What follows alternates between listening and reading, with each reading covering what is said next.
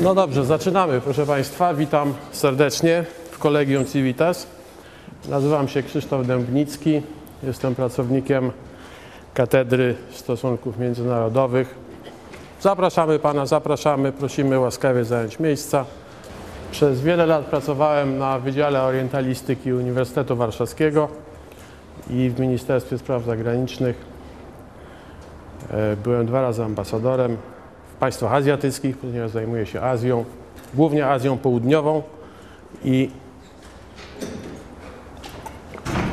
dzisiejszy wykład będzie dotyczył przede wszystkim Azji Południowej, chociaż, chociaż jeden z sąsiadów Indii, o których będziemy mówić, to nie jest państwo z Azji Południowej, tylko z Azji Wschodniej, mianowicie Chiny, ponieważ Chiny są również sąsiadem Indii, ale skupimy się głównie na Azji Południowej, czyli na Indiach, bezpośrednich sąsiadach Indii, czyli tutaj jak Państwo popatrzycie na mapę, największym sąsiadem oczywiście poza Chinami to jest Pakistan, dalej mamy na południu Sri Lankę, kiedyś zwaną Ceylonem, na wschodzie znajduje się Bangladesz, kiedyś część Pakistanu do 1971 roku, potem mamy Bhutan i Nepal, a na północ od Nepalu mamy Tybet. Zanim przejdę do samej istoty rzeczy, chciałbym Państwu zapisać troszkę statystyki, po to, żebyśmy mieli skalę porównawczą tego, o czym mówimy. Zaczniemy od Chin, czyli Chińska Republika Ludowa. PKB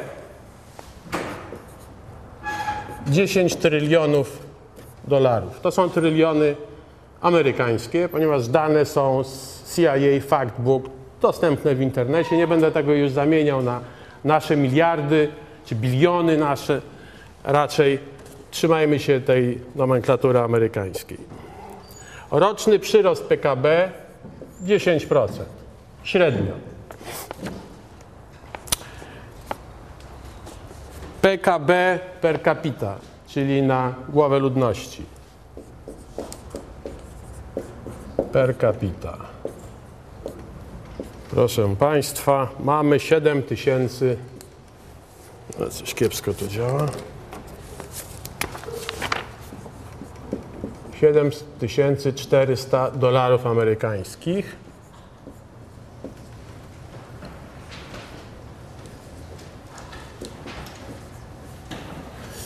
Siedem tysięcy czterysta dolarów amerykańskich PKB per capita. Dobrze. Teraz weźmiemy sobie Indię. PKB Indii wynosi 4 tryliony. Ponad dwa razy mniej niż PKB Chin. Per capita mamy, proszę Państwa, 3000, 3400 dolarów. Przyrost PKB roczny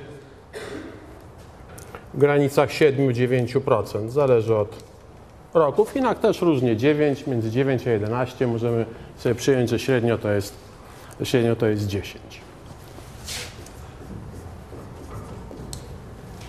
Dobrze.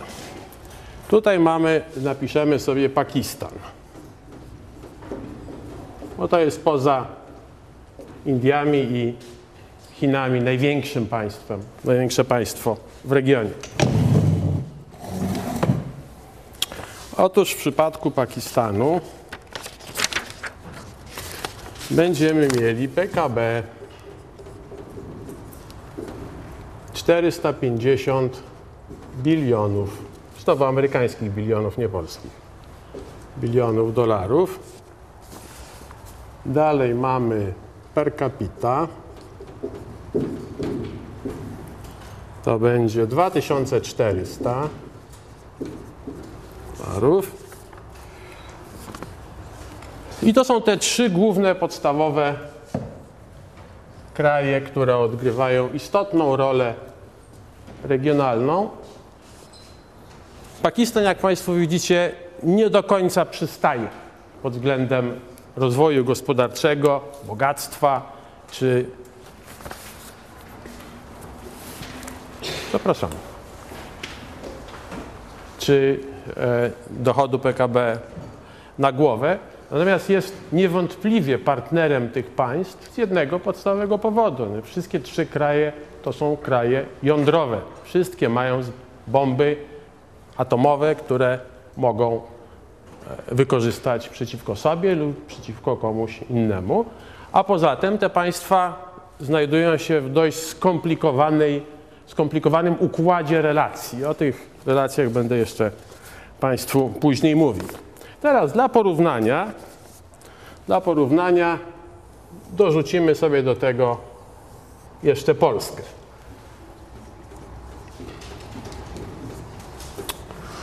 Otóż Polska będziemy mieli PKB, które się równa 725 bilionów dolarów.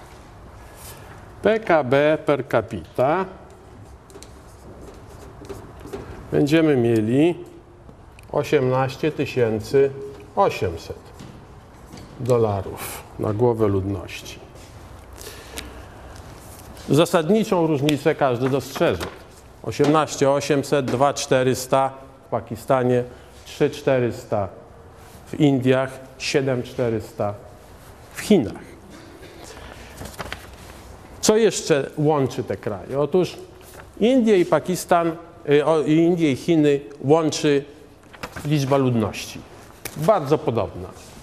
Miliard trzysta, circa about, w, w Chinach, jakieś miliard dwieście w Indiach, w Pakistanie 175 milionów, no to jest wyraźna różnica, ale mimo wszystko sporo. Jeśli chodzi o pozostałe kraje regionu, to Bangladesz mamy 160 milionów, Nepal 30 milionów, Sri Lanka tak jakieś 20, 20 kilka milionów, 21 w zasadzie milionów, no Polska 39. No. Te dane statystyczne ja Państwu podaję po to, żebyśmy mieli ogólną orientację, o czym mówimy, o jakiej kategorii kraju mówimy. Ale jednocześnie chciałbym Państwa przestrzec przed zbyt, zbytnią wiarą w statystykę. Jest takie powiedzenie angielskie There are lies, damned lies and statistics. E, dam Państwu dwa przykłady.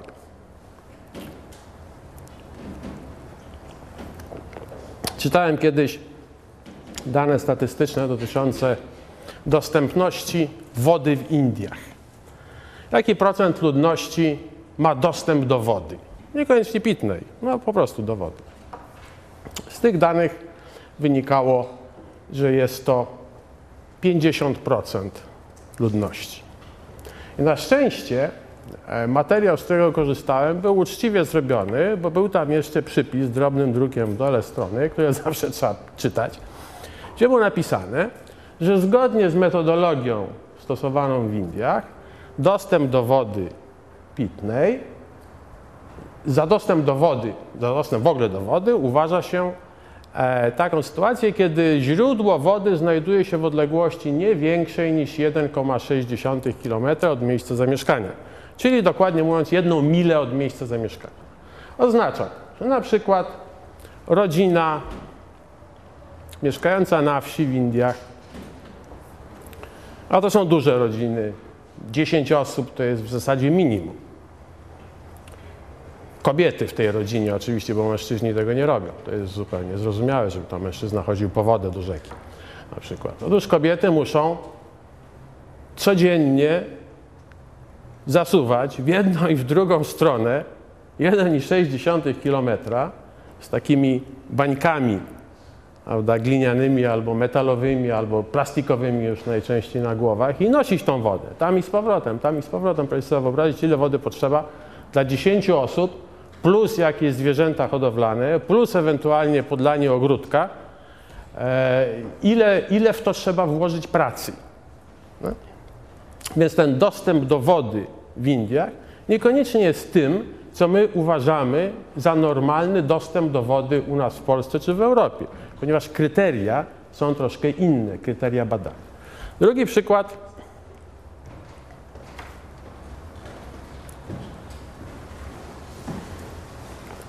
Drugi przykład dotyczy, proszę Państwa, umiejętności czytania i pisania. Otóż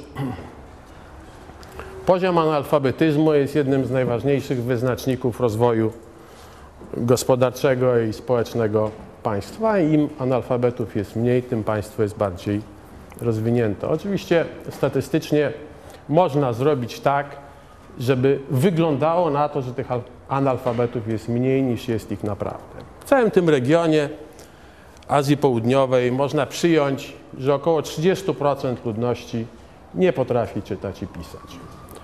Ten procent jest zapewne najwyższy w Nepalu i jak sądzę najniższy na Sri Lance, która jest stosunkowo dobrze rozwiniętym państwem.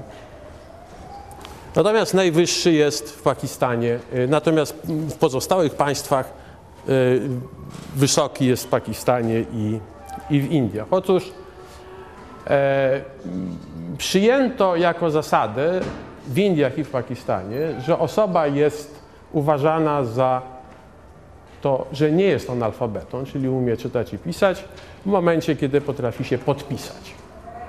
No, podpisanie się nie jest specjalnie e, trudną czynnością, prawda? Ludzie e, uczą się tam dość często, czysto mechanicznie, napisać swoje nazwisko, ponieważ podnosi to prestiż człowieka. No, osoba, która nie potrafi czytać i pisać, ma niższy prestiż niż ta, która potrafi, więc, więc e, występowanie, zakładanie sobie konta w banku, czy podpisywanie jakichś kwitów i dokumentów urzędowych, e, no jest lepsze niż stawianie odcisku palca na przykład, co jest alternatywą w tym, w tym wypadku. Jak bardzo statystyki są zafałszowane, Bóg raczej wiedzieć. Naprawdę trudno powiedzieć. Dlatego bym do statystyk podchodził z dużym, z dużym dystansem. Jako coś, co nam pomoże ewentualnie w zrozumieniu sytuacji, to tak, ale z daleka. W jaki sposób rozwija się sytuacja między państwami tego regionu i Chinami? Zapraszamy.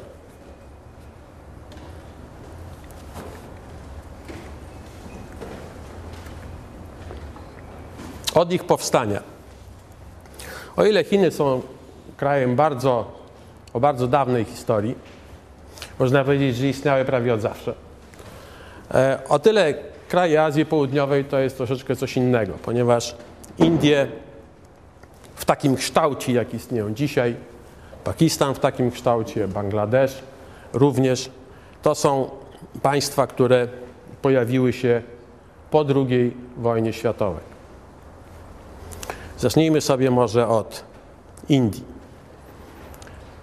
Do 1947 roku Indie były kolonią brytyjską. To wszystko tutaj, o, tutaj to wszystko, łącznie z Pakistanem, Bangladeszem, ale bez Bhutanu i bez Nepalu, to wszystko były Indie brytyjskie. Przez jakiś czas Burma również była częścią, czy Birma, jak to się mówi, czy Myanmar, jak kto woli, była częścią e, Indii brytyjskiej, ale potem została oddzielną kolonią. Ceylon również był kolonią brytyjską, ale również był oddzielną jednostką administracyjną. Indie brytyjskie składały się z dwóch kategorii państw.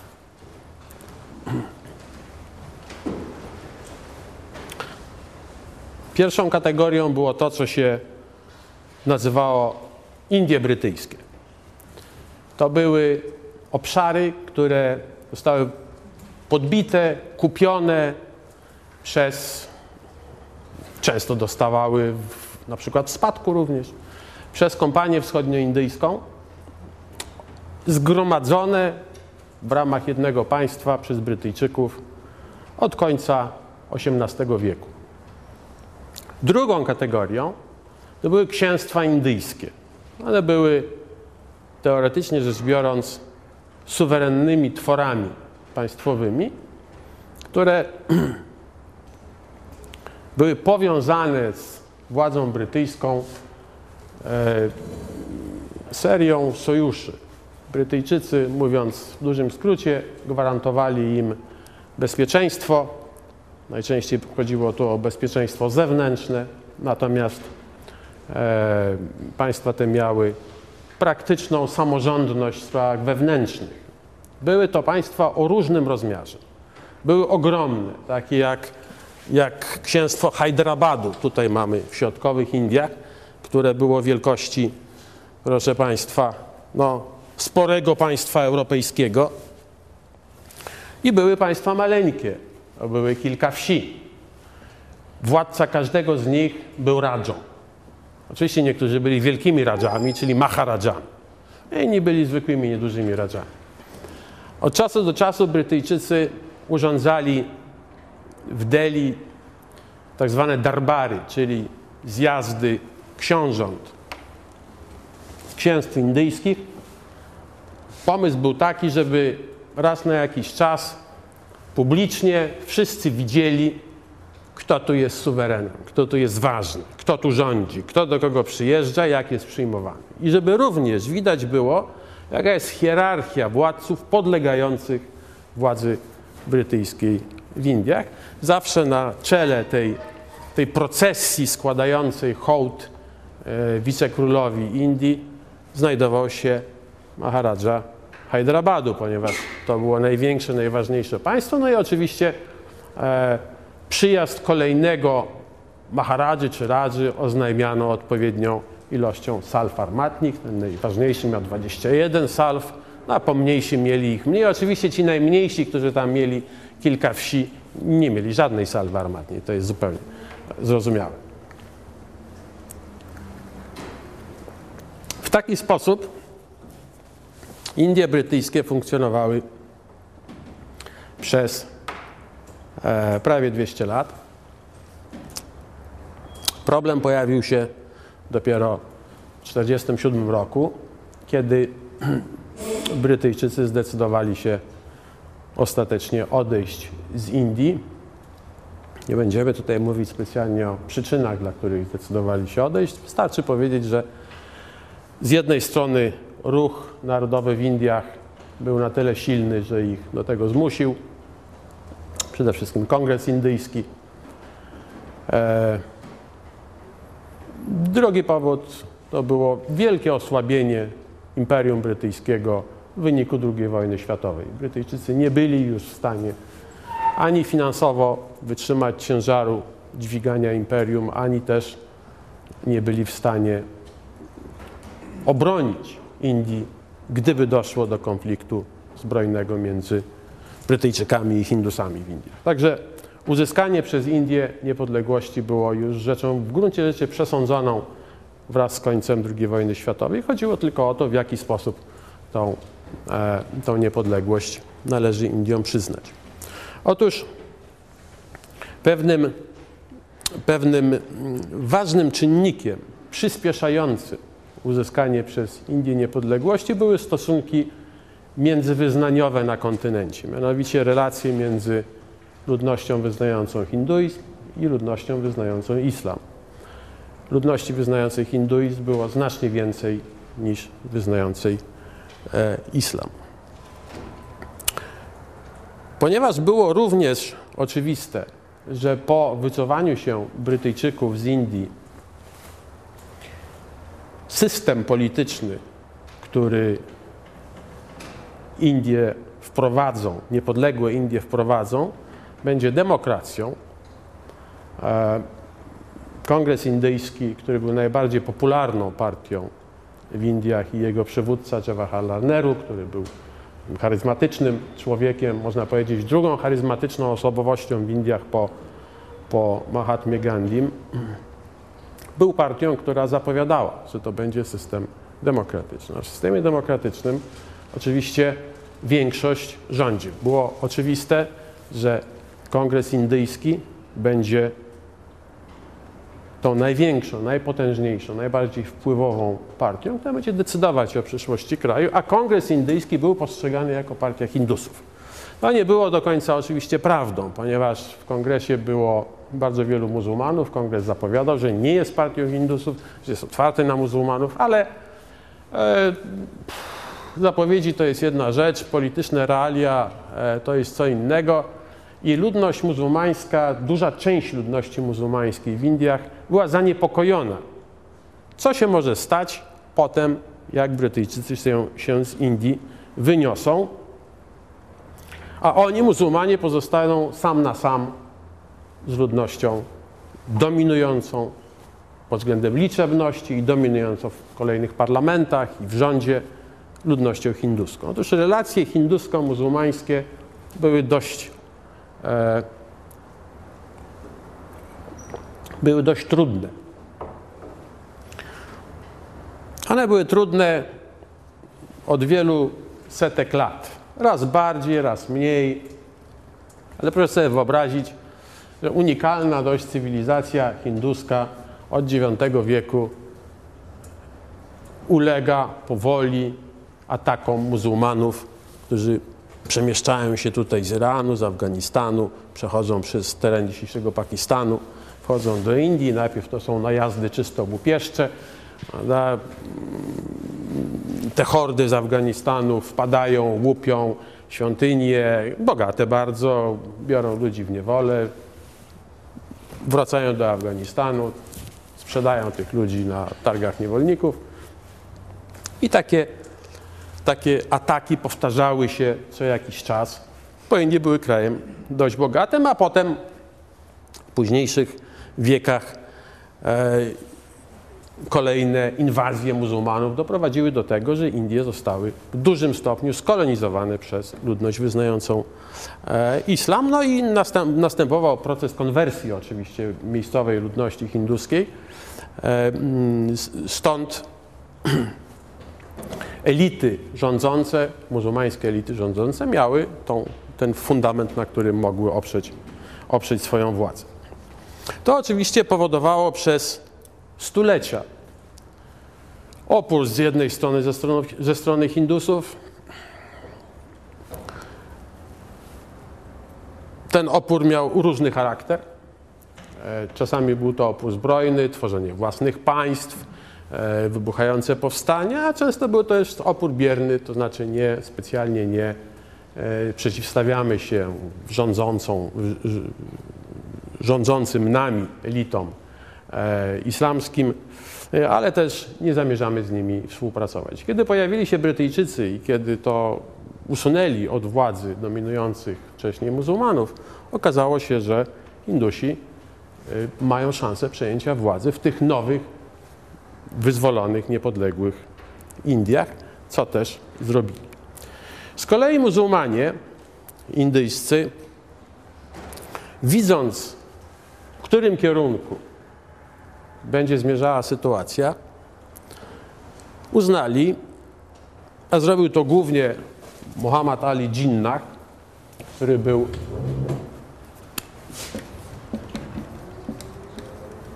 można powiedzieć twórcą samej koncepcji powstania Pakistanu i następnie wprowadził w życie e, tę ideę, że muzułmanie indyjscy powinni mieć swoje własne państwo. Powinni mieć swoją własną ojczyznę, w której będą bezpieczni, w której będą rządzili się sami, nie będą podlegali władzy większości, jeszcze na dodatek wyznającej inną religię. Ostatecznie w 1947 roku uzgodniono, trzy strony uzgodniły. Przedstawiciele muzułmanów, hindusów, kongres indyjski, jak to woli, i władze brytyjskie, że Indie zostaną podzielone na dwie części. Na część większościowo hinduską i część większościowo muzułmańską.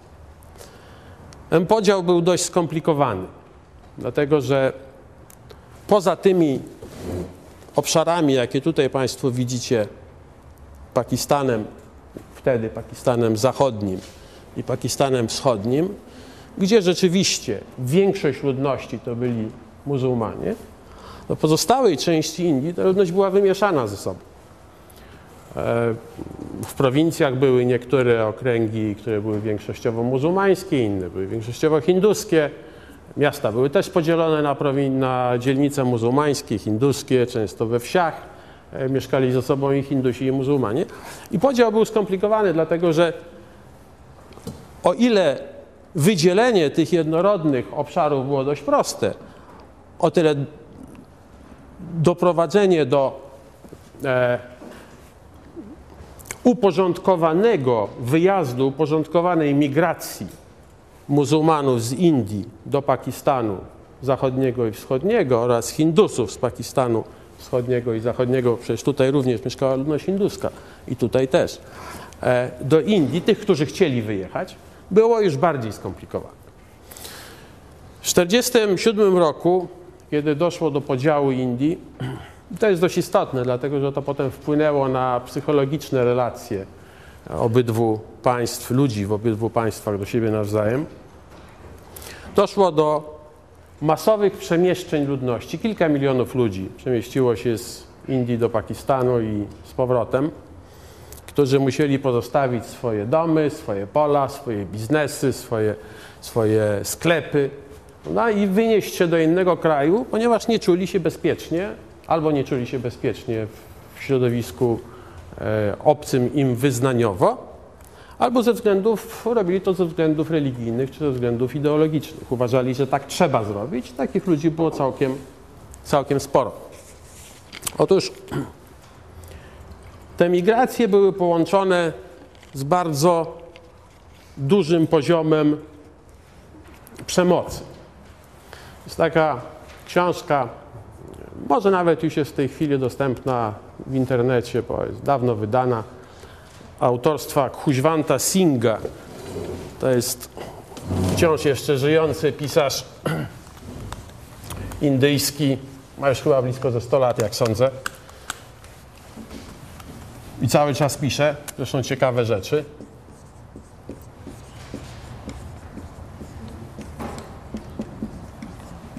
Kuźwan Singh Tekst nazywa się Train to Pakistan.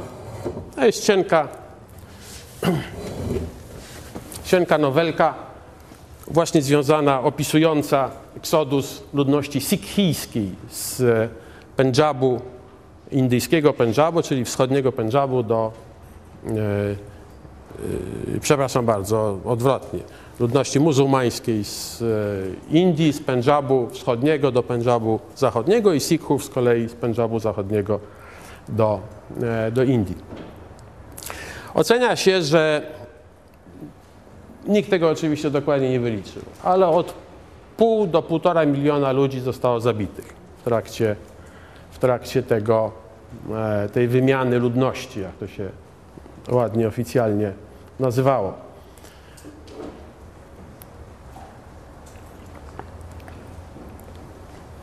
To był proces bardzo, bardzo brutalny. Zdarzały się takie sytuacje, że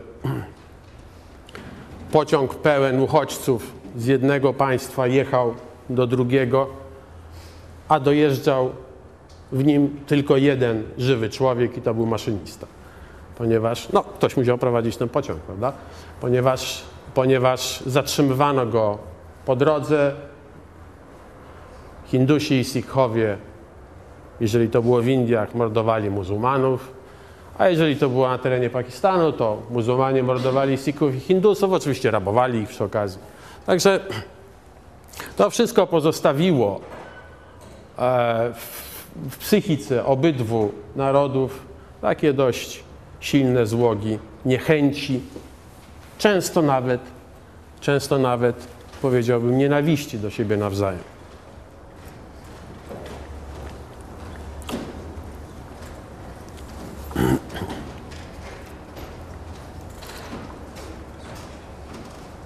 To był jeden problem w relacjach indyjsko-pakistańskich. Drugi problem był związany z księstwami.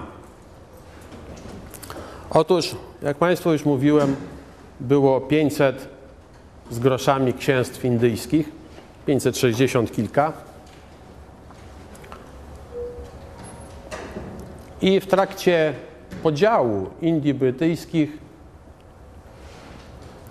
powstał problem, w jaki sposób przyporządkować, co zrobić z tymi księstwami, w jaki sposób te księstwa mają przystępować do jednego nowego państwa albo do drugiego. Przyjęto taką zasadę, że o przystąpieniu do Indii lub Pakistanu będzie decydował władca. Ale władca też był jakiegoś wyznania. No, albo był Hindusem, albo był muzułmaninem, albo Sikhem. Innej możliwości, możliwości nie było. E, sytuacji, w której władca księstwa, który był muzułmaninem i w którym większość ludności to wyznawała islam, a księstwo znajdowało się na terenie Pakistanu, nie było problemu. Przystępował do Pakistanu w sposób naturalny. Jeżeli władcą był Hindus, no to przystępował, a państwo znajdowało się na terenie Indii, no to przystępował do Indii, a jeżeli większość ludności była, wyznawała hinduizm, też nie było żadnego problemu. Problem pojawił się wtedy, kiedy, proszę Państwa, władca był jednego wyznania, ludność, większość ludności wyznania innego, a jeszcze na dodatek państwo być może znajdowało się między Indiami i Pakistanem. I takich, takie przypadki były w Indiach dwa. Dość istotne dla dalszych relacji między tymi państwami. Pierwszym to było księstwo Janagat, a drugim Jammu i Kaszmir.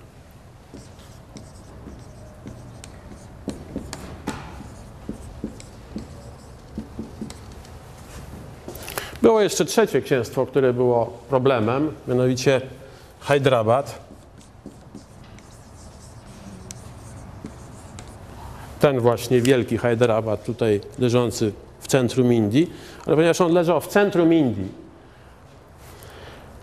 większość ludności to była, była hinduska, władca był muzułmaninem, to było mniej więcej oczywiste już w 1947 roku, że ostatecznie Hyderabad będzie musiał przystąpić do Indii. Władca zwlekał, zwlekał, zwlekał, ale ostatecznie e, w wyniku indyjskiej akcji zbrojnej, nazwanej później tak dość eufemistycznie operacją policyjną, e, Hyderabad został włączony do, do terytorium indyjskiego w 1948 roku. Natomiast tutaj księstwo Janagat, znajdujące się tu na wybrzeżu, i Kaszmir, tutaj jest stolicą Kaszmiru jest Srinagar, to była zupełnie już inna historia, która doprowadziła do tych konfliktów między obydwoma państwami, które do dzisiaj stanowią najpoważniejszy problem w całej Azji e, Południowej i również wpływają bezpośrednio na relacje pakistańsko-afgańskie, pakistańsko-indyjsko-chińskie także. Otóż Sytuacja w Kaszmirze była taka, że władcą był Hindus, a większość ludności wyznawała islam. Państwo to znajdowało się na pograniczu Indii i Pakistanu, z tym, że łatwiejszy dostęp do stolicy, do Srinagaru, był z Pakistanu, a nie z Indii.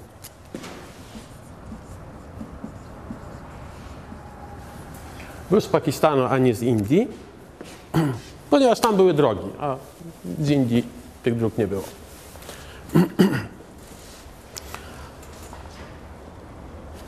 Władca księstwa Hari Singh z dynastii Dogrów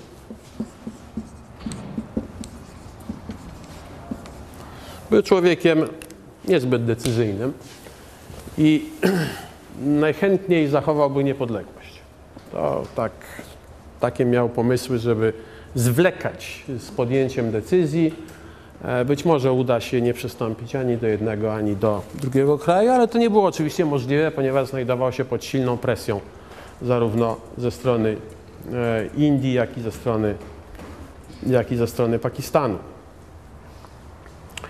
Skutek tego zwlekania był taki, że Pakistan zdecydował, że należy w jakiś sposób zmusić go do przystąpienia do, do Pakistanu, do opowiedzenia się za Pakistanem. I zorganizowano wysłanie do e, Kaszmiru oddziałów ludności pasztuńskiej, plemiennej, tutaj z pogranicza afgańsko-pakistańskiego. Oni ruszyli, ruszyli na, e, na Kaszmir pod hasłami wyzwolenia muzułmanów spod hinduskiej opresji. E, Oficjalnie był to spontaniczny zryw ludności pasztuńskiej e, dla dopomożenia, dla wspomożenia współwyznawców w Kaszmirze. W rzeczywistości to nie był do końca zryw spontaniczny, ponieważ armia pakistańska dostarczyła im chociażby ciężarówek po to, żeby mogli szybko do tego Kaszmiru się dostać. Więc ta logistyka była zorganizowana e, centralnie e, w Pakistanie. Przez Pakistan, przez władze pakistańskie. Oni dość skutecznie e, posuwali się w kierunku Srinagaru. Pokonali w kilku potyczkach armię kaszmirską. To była dość słaba, która się bała zawsze pasztunów, to historycznie ten, ten strach był w nich bardzo silny. E, no i zatrzymali się około 80 km od stolicy, od stolicy kraju. Zatrzymali się dlatego, że wchodząc y, na terytorium e, Kaszmiru, no, zgodnie ze swoją tradycją zajmowali się łupieniem miejscowej ludności, bo Pasztunowie tym się między innymi zawsze zajmowali. E, również na tych terenach, gdzie mieszkali, zajmowali się między innymi rabunkiem e, w dużym stopniu. Nie mówię, że wszyscy, że zawsze, ale w dużym stopniu. E, władca Kaszmiru poprosił wtedy o pomoc Hindusów. Władze indyjskie przysłały samolot. Samolotem przyleciał przedstawiciel rządu indyjskiego i przywiózł tak zwany instrument akcesji, czyli dokument, w którym władca który władca podpisując przyjmuje akcesję do Indii i powiedział, że bardzo prosimy, pan podpisze, to chętnie pomożemy. Jak pan nie podpisze, to niestety będzie pan sobie musiał radzić sam z pasztunami. No a władca oczywiście podpisał.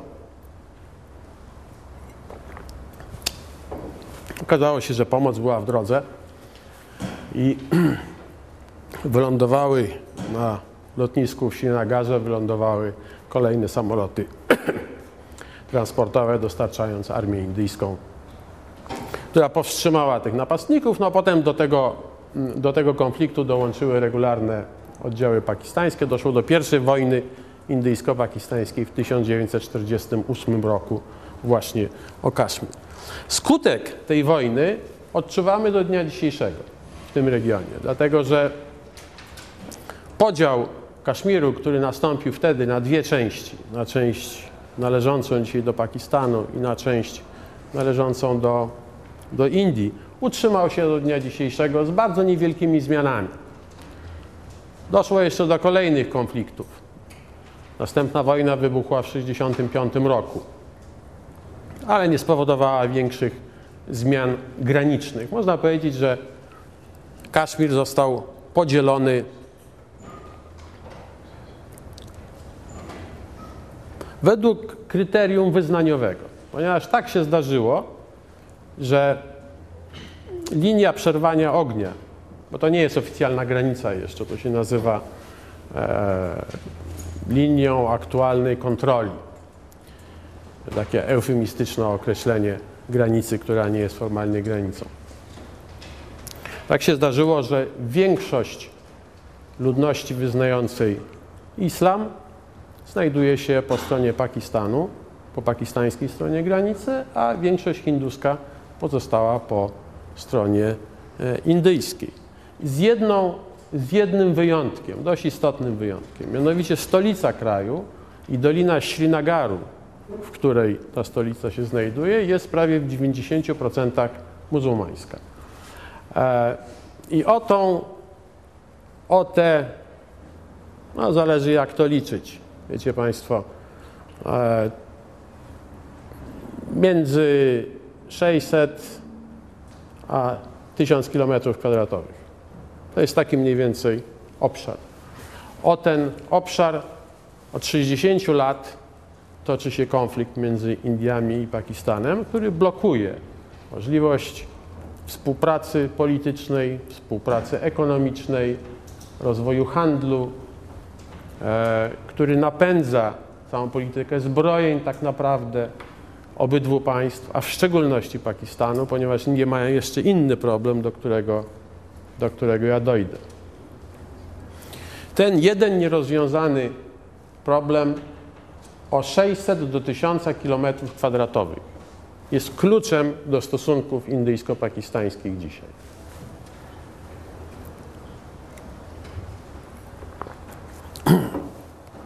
Drugim wielkim sąsiadem Indii na północ są Chiny. Otóż Chińska Republika Ludowa powstała w 1949 roku. W 1949 roku w wyniku zwycięstwa armii komunistów chińskich nad armią Kuomintangu, więc partią, partią narodową. Ta wojna trwała długo, od lat 30. Losy tej wojny były różne. Raz górą byli narodowcy, raz górą byli komuniści, potem się do tego wszystkiego jeszcze od 1937 roku włączyli Japończycy, wtedy kiedy najechali Chiny. E, ostatecznie Japończycy zostali pokonani, te dwie siły zaczęły walczyć między sobą, zwyciężyli, zwyciężyli komuniści. Resztki oddziałów Kuomintangu wycofały się na Tajwan, a te, które walczyły na południu, o czym się z reguły nie wie, przemieściły się tutaj do północnej Birmy. I przez wiele lat, bardzo wiele lat, jeszcze potem po 1949 roku, te oddziały tam funkcjonowały. Dowódcy tej, tej armii, tam, można powiedzieć, że stworzyli na tym obszarze swoje takie na wpół niezależne państewko w północnej, górzystej, bardzo gęsto porośniętej lasami i dżunglą e, Birmie. Indie nie miały w gruncie rzeczy bezpośredniej styczności e, z Chinami do 1950, takiej fizycznej styczności, do 1950 e, roku, kiedy wojska chińskie zajęły Tybet.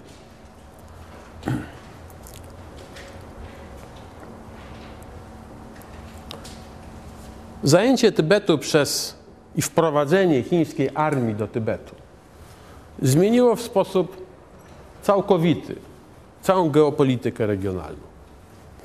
Wcześniej, przed 1950 rokiem, Tybet był rodzajem zewnętrznego pasa buforowego, który chronił Indie brytyjskie od północy. Otóż Brytyjczycy mieli taką koncepcję państw buforowych. Wtedy, kiedy rządzili Indiami, stworzyli, stworzyli pasy buforowe, które zabezpieczały Indię przed ewentualnym atakiem z zewnątrz. Kto mógł Indię zaatakować? Przede wszystkim chodziło o Rosję. Chiny były zbyt słabe, żeby mogły to zrobić, ale mogła to zrobić Rosja. E, Brytyjczycy z Rosjanami toczyli od początku XIX wieku tak zwaną wielką grę. Konflikt w Azji Środkowej, na tym obszarze tutaj dzisiejszych niepodległych państw Azji Środkowej e, i w Afganistanie. Walkę o wpływy i również w Iranie częściowo. Ale nie wchodząc już w szczegóły tego, tego konfliktu, również obawiano się wtedy w Indiach Brytyjskich, że Rosjanie mogą być zainteresowani i być może będą mieli taką możliwość, żeby przejść do Indii Brytyjskich przez Tybet, przez północ. W 1904 roku z tego powodu Brytyjczycy zorganizowali ekspedycję wojskową do Tybetu. Dowodził tym, dowodził tą ekspedycją pułkownik Young Husband.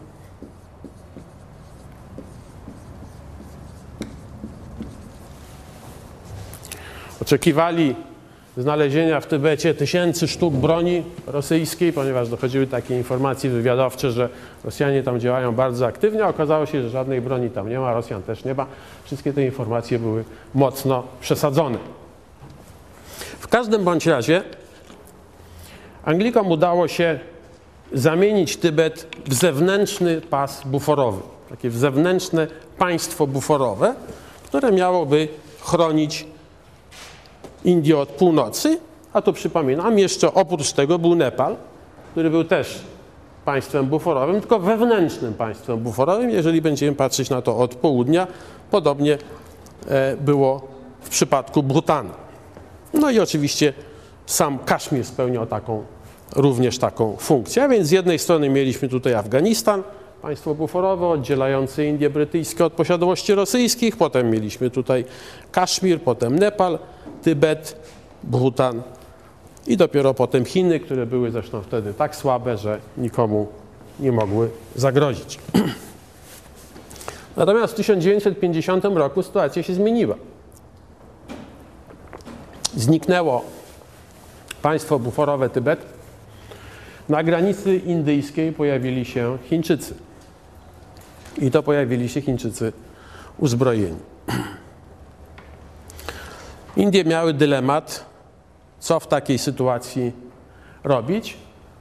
I Jawaharlal Nehru, ówczesny premier Indii, uznał, że trzeba będzie się z Chińczykami dogadać. Trzeba będzie, że w interesie Indii jest utrzymywanie przyjaznych relacji z wielkim sąsiadem na północy i trzeba się będzie dogadać bez względu na to, jak będzie wyglądała sytuacja polityczna w Tybecie pod rządami chińskimi.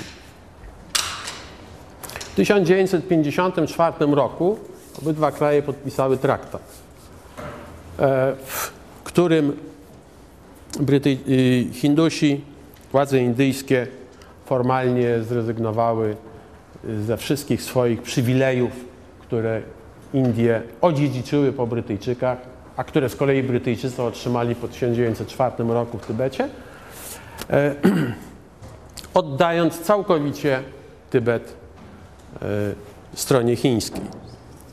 Ten traktat został podpisany na 8 lat, czyli do 1962 roku i dokładnie w 1962 roku doszło do wojny indyjsko-chińskiej w Himalajach. Okazało się, że interesy wspólne nie przeważają nad konfliktami między tymi dwoma państwami. Tych konfliktów było kilka. Taki najbardziej generalny polegał na tym, że jak Państwo tutaj widzicie, w tej statystyce, której już chyba nie ma niestety, jak, państwo, jak Państwu powiedziałem, te, te kraje były do siebie bardzo podobne pod względem wielkości, liczby ludności nawet. E, w 40 latach Chiny miały około 500 milionów ludności, Indie miały około 300 milionów, więc to są rząd wielkości dość porównywalny. E, otóż były to dwa wielkie państwa Azji, które były, a przynajmniej się za takie uważały, za duże i za ważne, żeby mogły razem funkcjonować wspólnie na całym tym obszarze azjatyckim.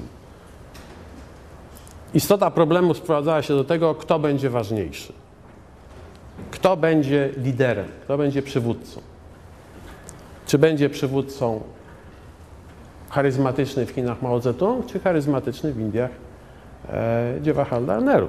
I czy będą, i który z nich będzie przywódcą świata nie wchodzącego ani do obozu wschodniego, czyli do bloku komunistycznego, ani do świata zachodniego, bo był jeszcze ten trzeci świat, pozostający poza tymi dwoma y, skłóconymi ze sobą blokami wojskowymi.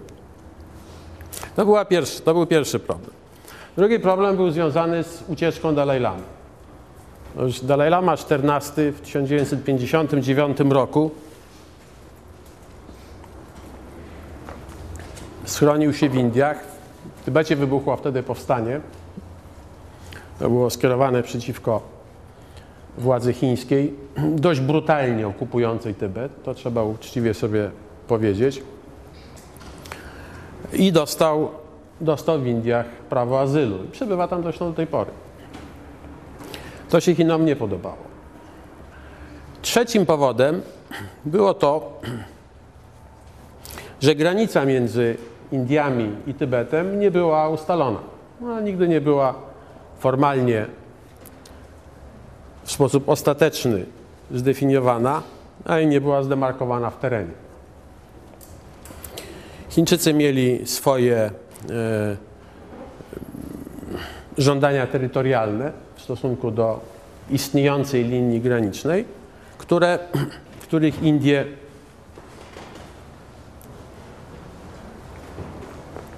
których Indie nie mogły i nie chciały zrealizować.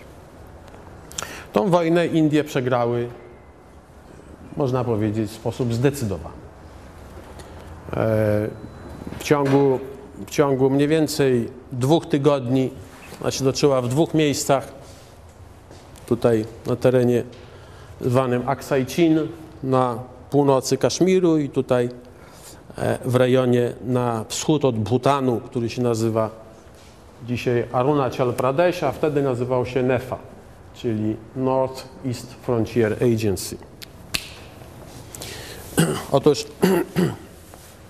tą wojnę Indie przegrały, ponieważ były do niej zupełnie nieprzygotowane ani pod względem wojskowym, ani pod względem, pod względem politycznym. To z kolei spowodowało zmianę układu geostrategicznego w całym rejonie azjatyckim, ponieważ nałożyło się na pogorszenie stosunków radziecko-chińskich. Te stosunki zaczęły się psuć już od 1959 roku.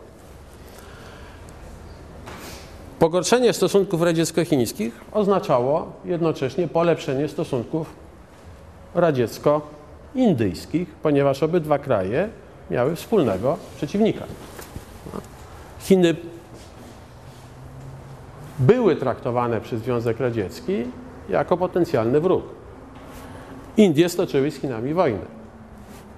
W późniejszych latach stoczyły również Indie, y, Chiny wojnę ze Związkiem Radzieckim. W 1969 roku doszło do starć nad rzeką Ussuri na Syberii. To nie były duże starcia, ale dość symptomatyczne. Dwa wielkie państwa graniczące ze sobą na, ogromnej, na ogromnym przecież e, terytorium zaczęły ze sobą, zaczęły się, ich relacje były tak złe, że, że zaczęły ze sobą walczyć. To z kolei oznaczało jednocześnie polepszenie stosunków pakistańsko-chińskich, ponieważ Rosja, e, Indie i Rosja zbliżyły się do siebie politycznie, wojskowo, ekonomicznie. Związek Radziecki stał się głównym dostarczycielem uzbrojenia dla Indii, ponad 80% stamtąd pochodziło i w dużym stopniu tak jest nadal. Natomiast Pakistan, który z kolei był od czasów podziału Indii brytyjskich skłócony z, e, z Indiami, zbliżył się z kolei do Chin. No, więc powstało coś, co można by nazwać takim krzyżowym systemem sojuszy w Azji e, Południowej, Azji Wschodniej, sięgającym aż tutaj przecież po Rosję. Czyli sojusz z jednej strony rosyjsko-indyjski, z drugiej strony pakistańsko, pakistańsko-chiński. Ten sojusz został umocniony podpisaniem radziecko-indyjski, radziecko, e, został umocniony podpisaniem traktatu o pomocy wzajemnej w 1971 roku. I w jakimś sensie efektem tego traktatu było powstanie państwa Bangladesz. To od razu chcę powiedzieć, że wojna o Bangladesz, która wybuchła w 1971 roku, tu jest dzisiejszy Bangladesz, to był kiedyś wschodni Pakistan. Pakistan był złożony z dwóch części, zachodniej i wschodniej. Oddalone one były od siebie, Państwo tutaj widzicie, ponad 1600 km w linii prostej. Stolica znajdowała się tutaj. Nie wchodząc w szczegóły problemu między tymi dwoma częściami Pakistanu, trzeba powiedzieć, że zarówno różniły się one pod względem ludnościowym, językowym, ekonomicznym, no po, nieomalże pod każdym względem. Czynnikiem łączącym była jedynie religia. Okazało się, że religia to jest jednak zbyt mało, żeby zachować e, e, wspólną państwowość przez te obydwa, e, obydwa państwa. W Bangladeszu doszło do ruchu e, skierowanego na uzyskanie niepodległości, odłączenie się od Pakistanu, e, budowę własnego państwa. Doszło do powstania brutalnie tłumionego przez armię pakistańską. Około 10 milionów uchodźców znalazło się po indyjskiej stronie. Indie wtedy wysłały swoje, swoją armię, korzystając poniekąd z parasola tego tego traktatu o przyjaźni ze Związkiem Radzieckim. To znaczy Indie to zrobiły, zdając sobie sprawę z tego, że mają przyjaciela w Związku Radzieckim, który jeżeli na przykład Chiny stanęły po stronie Pakistanu, będzie w stanie szachować z kolei z drugiej strony, e, z drugiej strony Chiny. Pakistan się podzielił na dwie części. Od, tej, od 1971 roku mówimy tylko o Pakistanie, mając na myśli Pakistan Zachodni. Ale w 1971 roku doszło do ko kolejnego odwrócenia sojuszy, jeśli tak można powiedzieć, dlatego że doszło do nawiązania stosunków amerykańsko-chińskich z kolei. Amerykanie zawsze mieli bliskie stosunki z Pakistanem. Byli, można powiedzieć, nieformalnym, dlatego że to nie było w żadnym E, dokumencie dwustronnym przyjęte, ale byli sojusznikiem Pakistanu, między innymi dlatego, że i Amerykanie, i Pakistan znajdowali się w dwóch paktach e, zbrojnych, e, w pakcie bagdackim i w pakcie Azji Południowo-Wschodniej. Te pakty były skierowane głównie przeciwko państwom obozu komunistycznego. Natomiast w 1971 roku, po pogorszeniu stosunków radziecko-chińskich, nastąpiło zbliżenie z kolei stosunków amerykańsko-chińskich. To było też zgodne z tą starą zasadą, że sąsiad mojego sąsiada jest moim przyjacielem. Poniekąd Chiny były sąsiadem Stanów Zjednoczonych nie bezpośrednim, ale politycznym sąsiadem i były przyjacielem Ameryki, ponieważ głównym wrogiem Ameryki w tamtym czasie był Związek, Związek Radziecki. Zresztą, żeby było ciekawiej, to te stosunki zostały nawiązane, te pierwsze kroki na, na, na, na drodze do nawiązania stosunku zostały, mm, doszły do skutków przy pośrednictwie władz Pakistanu, które miały bardzo bliskie relacje, z, własne relacje z Chinami już od całego szeregu, szeregu lat.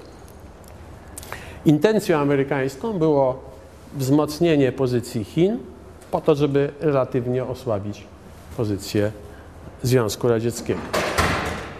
Jak to się wszystko przełożyło z kolei na Indię? No, przełożyło się to mniej więcej w taki sposób, że przez wiele dziesięcioleci po II wojnie światowej Indie zależały w dużym stopniu od współpracy ekonomicznej i wojskowej ze Związkiem Radzieckim, ale Związek Radziecki, jak wiadomo, przestał istnieć w 1991 roku. Wtedy Indie pozostały w sytuacji bardzo niewygodnej. Ja byłem wtedy w Indiach, pracowałem wtedy w Indiach e, w połowie lat 90. i pamiętam, że jeszcze w 91 roku w Delhi nie do końca zdawano sobie sprawę, co się stało. Co się takiego stało, że Związek Radziecki przestał funkcjonować, że przestał istnieć, że to państwo się rozpadło po prostu. Prawda? Że powstało cały szereg państw i nie bardzo, nie bardzo, e, nie bardzo wiedzieli, w jaki sposób ułożyć sobie teraz swoją własną politykę po odejściu głównego, głównego sprzymierzeńca. Otóż Indie musiały podjąć cały szereg bardzo trudnych decyzji. Najtrudniejszą decyzją była zmiana systemu gospodarczego. Indie były państwem, które, którego gospodarka była centralnie sterowana. To było państwo, które po 1947 roku przeprowadziło program daleko idącej nacjonalizacji przemysłu. Jeszcze dodatkowo w 1971 roku znacjonalizowano banki.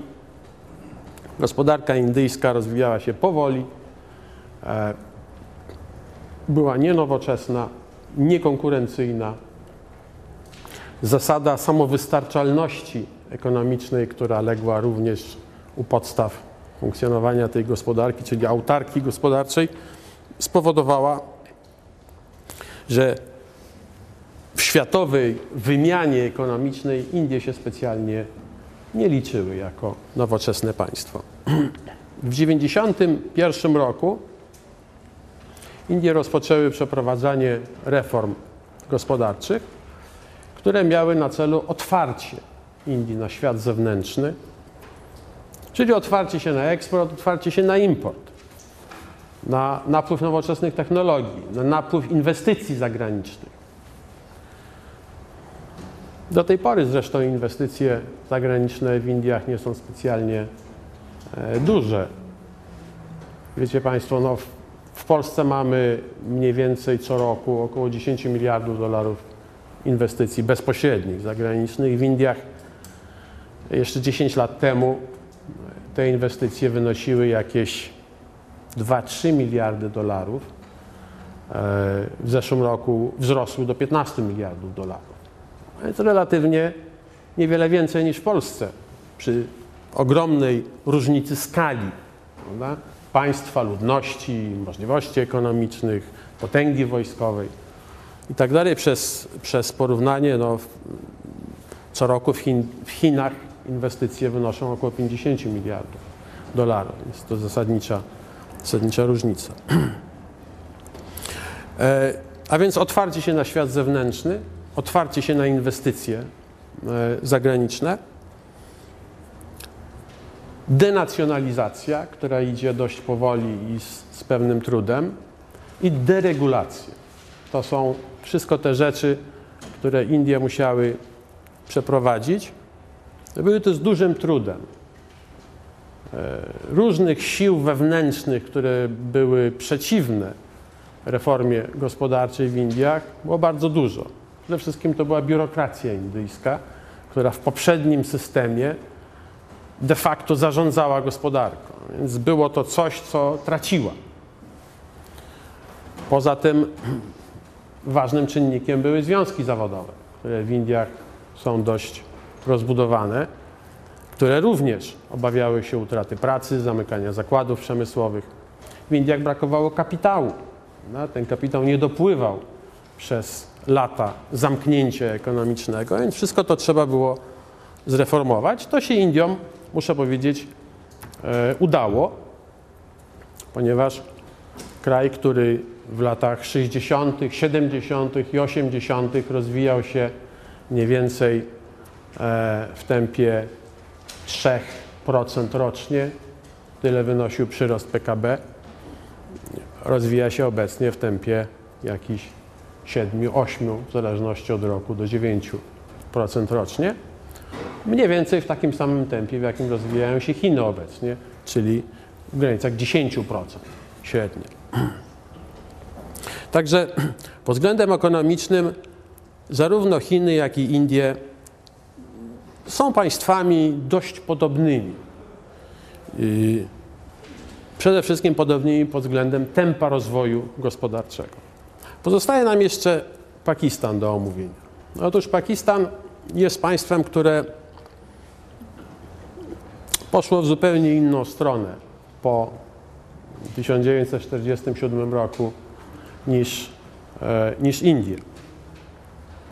Jest szereg powodów, dla których tak się stało. Struktura społeczna Pakistanu jest inna, struktura ekonomiczna była inna, historia Pakistanu była inna. E, to był obszar, który wszedł w skład e, Imperium Brytyjskiego najpóźniej, bo dopiero e, w połowie XIX wieku, w drugiej połowie niektóre tereny XIX wieku znajdował się najkrócej w tym modernizującym systemie, który tam wprowadzili Brytyjczycy. Miał największą najmniejszą raczej e, liczbę osób umiejących czytać i pisać, e, największe zróżnicowania, jeżeli chodzi o własność ziemską. E, chodzi o areał ziemi, który znajdował się procentowo w rękach wielkich właścicieli ziemskich. Także to były poważne problemy Pakistanu. Natomiast problemem był również brak przywódcy. Otóż Muhammad Jinnah zmarł w 1948 roku, w końcu 1948 roku. To była jedyna charyzmatyczna osoba, która, która była twórcą i takim, taką, taką osobą, e, która, takim człowiekiem, który, który mógł był prawdopodobnie poprowadzić Pakistan mm, drogą demokracji, rozwoju gospodarczego, podobnie jak to miało miejsce w Indiach w których taką rolę spełniał Jawaharlal Nehru. E, w odróżnieniu od Jinnaha, Jawaharlal Nehru żył do 1964 roku. W związku z tym był w stanie podłożyć podwaliny pod system społeczny, e, polityczny i ekonomiczny Indii, z czego Indie do dzisiaj korzystają, a Pakistan nie. Na 60 kilka lat e, niepodległości, z górą 30 lat w Pakistanie rządzili wojskowi a te pozostałe 30 lat, kiedy rządziły, władze sprawowały różne partie polityczne, e, w, mniej, w procesie mniej lub bardziej ograniczonej demokracji, e, wojskowi odgrywali zakulisową, dominującą rolę, taką jak odgrywają w tej chwili. Obydwa państwa na subkontynencie, Indie i Pakistan, postanowiły zaopatrzyć się w broń jądrową. W przypadku Indii to była troszeczkę rzecz bardziej skomplikowana, ponieważ od 1964 roku państwem jądrowym były Chiny. A w 1962, jak już Państwu mówiłem, obydwa kraje stoczyły ze sobą wojnę. Uzyskanie broni atomowej przez Chiny zostało potraktowane przez Indię jako zagrożenie. Na to zagrożenie trzeba było odpowiedzieć stworzeniem własnej broni jądrowej. I w 1974 roku, 10 lat po chińskim teście atomowym, Indie przeprowadziły swój pierwszy test jądrowy. Co prawda on został tak dość eufemistycznie nazwany nie testem bomby atomowej, tylko, tylko urządzenia jądrowego i oczywiście był to wybuch pokojowy. E, no, zostało to jednak potraktowane przez Pakistan w sposób poprawny. Czyli skoro Indie mają broń atomową, a my stoczyliśmy już dwie wojny, właściwie trzy wojny z Indiami, no to w sposób oczywisty my jesteśmy zagrożeni. Też musimy mieć broń atomową. Wtedy nad bronią atomową własną zaczął pracować Pakistan. W taki sposób następowała ta eskalacja procesu zbrojeń jądrowych na subkontynencie, która zakończyła się ostatecznie próbami atomowymi w 1998 roku. Kiedy Indie przeprowadziły, o ile sobie przypominam, sześć wybuchów jądrowych, jakieś dwa tygodnie potem Pakistan przeprowadził sześć wybuchów, a potem jeszcze sześć. No to było tak jak gra w pokera. No, przebija. Proszę bardzo. Co dalej? E, w tej chwili można założyć, że obydwa państwa mają mniej więcej tyle samo bomb. Będzie to tak około setki. A w zasadzie, można powiedzieć, w zupełności wystarczy, żeby się nawzajem kompletnie zniszczyć. Nie trzeba więcej niż 100. Pocisk e, wystrzelony z nadgranicy pakistańsko-indyjskiej leci do Delhi 8 minut. E, mniej więcej tyle samo będzie trwał lot pocisku wystrzelonego z nadgranicy po stronie indyjskiej do stolicy Pakistanu, czyli do Islamabadu, a może nawet trochę krócej. Także możliwość samozniszczenia jest duża. Obydwa państwa wydają ogromne pieniądze na, na zbrojenia, tylko znowuż Indie są w trochę gorszej sytuacji strategicznej, dlatego że mają dwóch wrogów. No, zarówno Pakistan, jak i Chiny i muszą się zbroić, biorąc pod uwagę możliwość konfliktu z każdym z tych państw. Natomiast Pakistan tak naprawdę ma tylko jedno państwo, a więc, a więc Indie. Tak czy inaczej, utrzymanie 600-tysięcznej stałej armii lądowej, nie licząc lotnictwa i marynarki, jest ogromnym, jest ogromnym obciążeniem dla pakistańskiego e, budżetu. To generalnie byłoby to, co chciałem Państwu powiedzieć. Mamy jeszcze 15 minut. Jeśli macie Państwo jakieś pytania, to bardzo proszę. Kiedy Indie uległy islamizacji? Pan, to był długi proces, który trwał wiele setek lat. E, one nigdy do końca nie uległy, dlatego że zawsze większość ludności była, e, była wyznania hinduskiego. Natomiast to był proces, który zaczął się mniej więcej od IX wieku i trwał aż tak naprawdę do końca rządów Imperium Mogolskiego. Ostatni, ostatni cesarz z dynastii y, mogolskiej formalnie utracił władzę w 1857 roku po, po, po powstaniu Sipajów.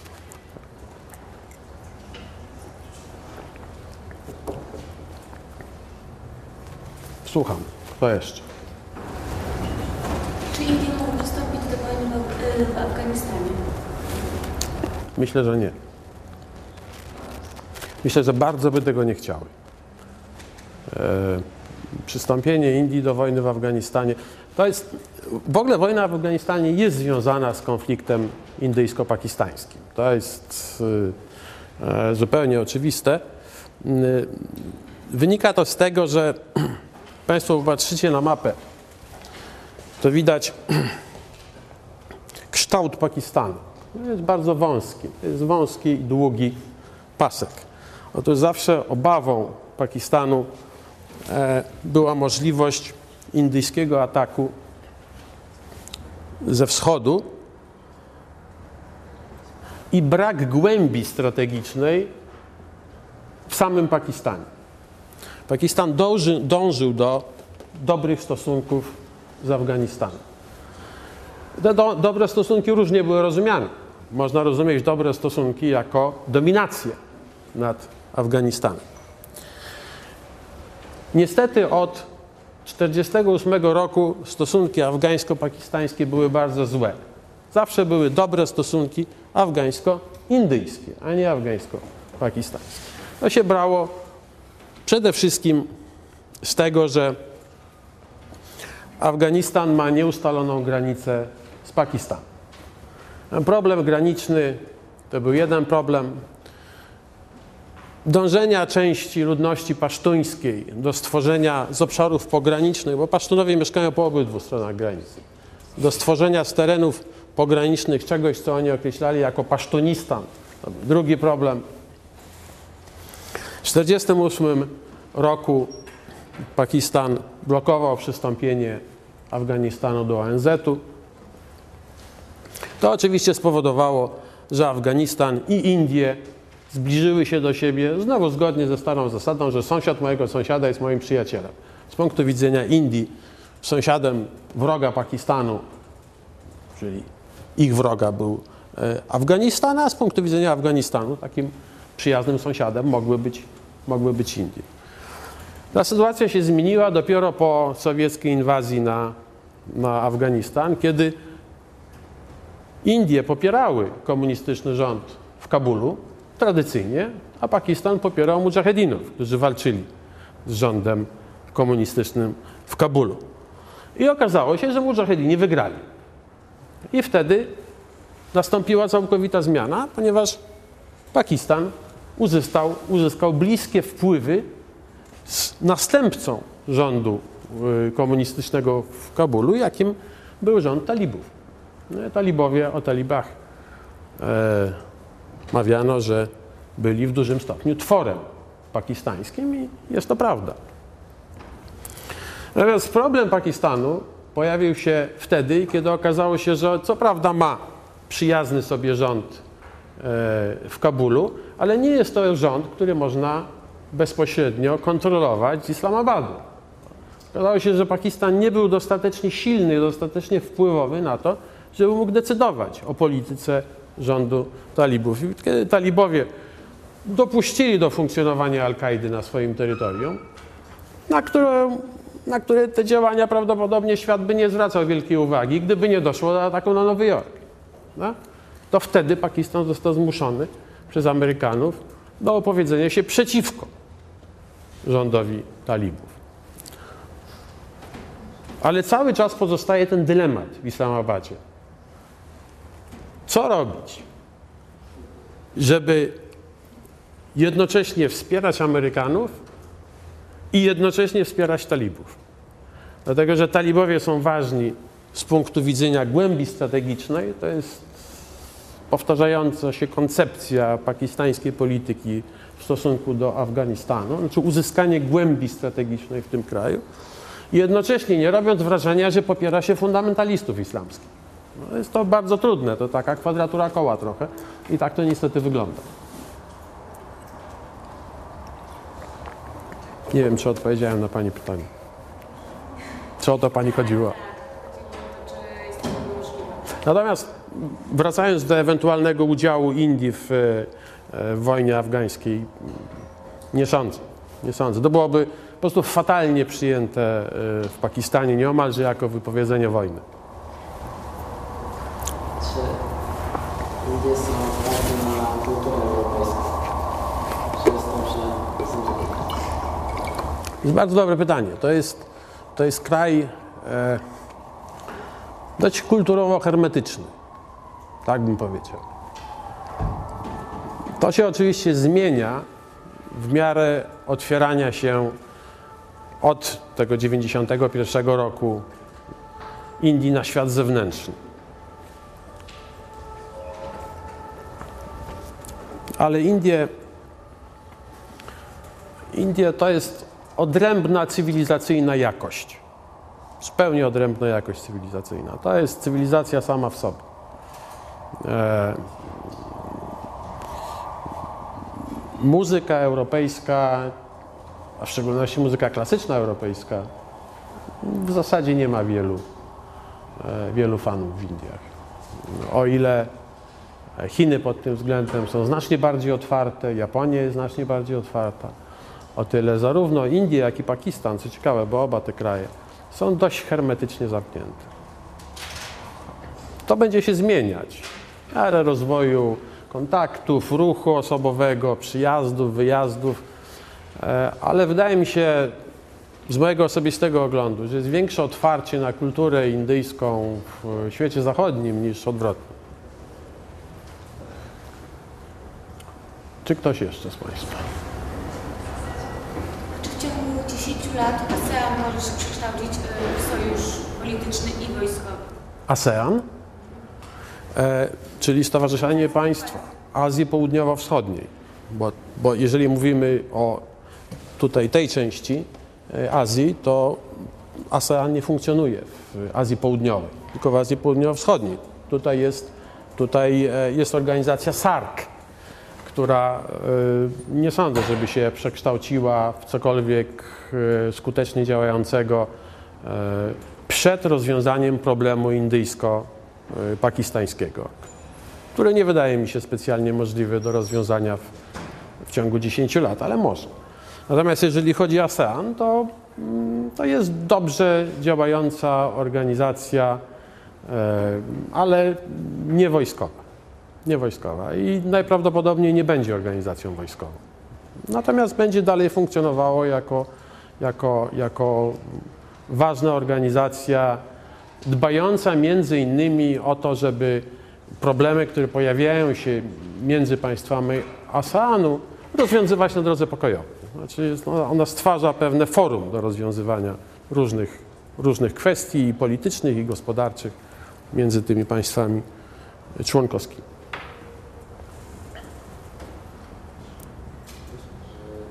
Czy w Indiach e, popularna jest gra w szachy? Przepraszam?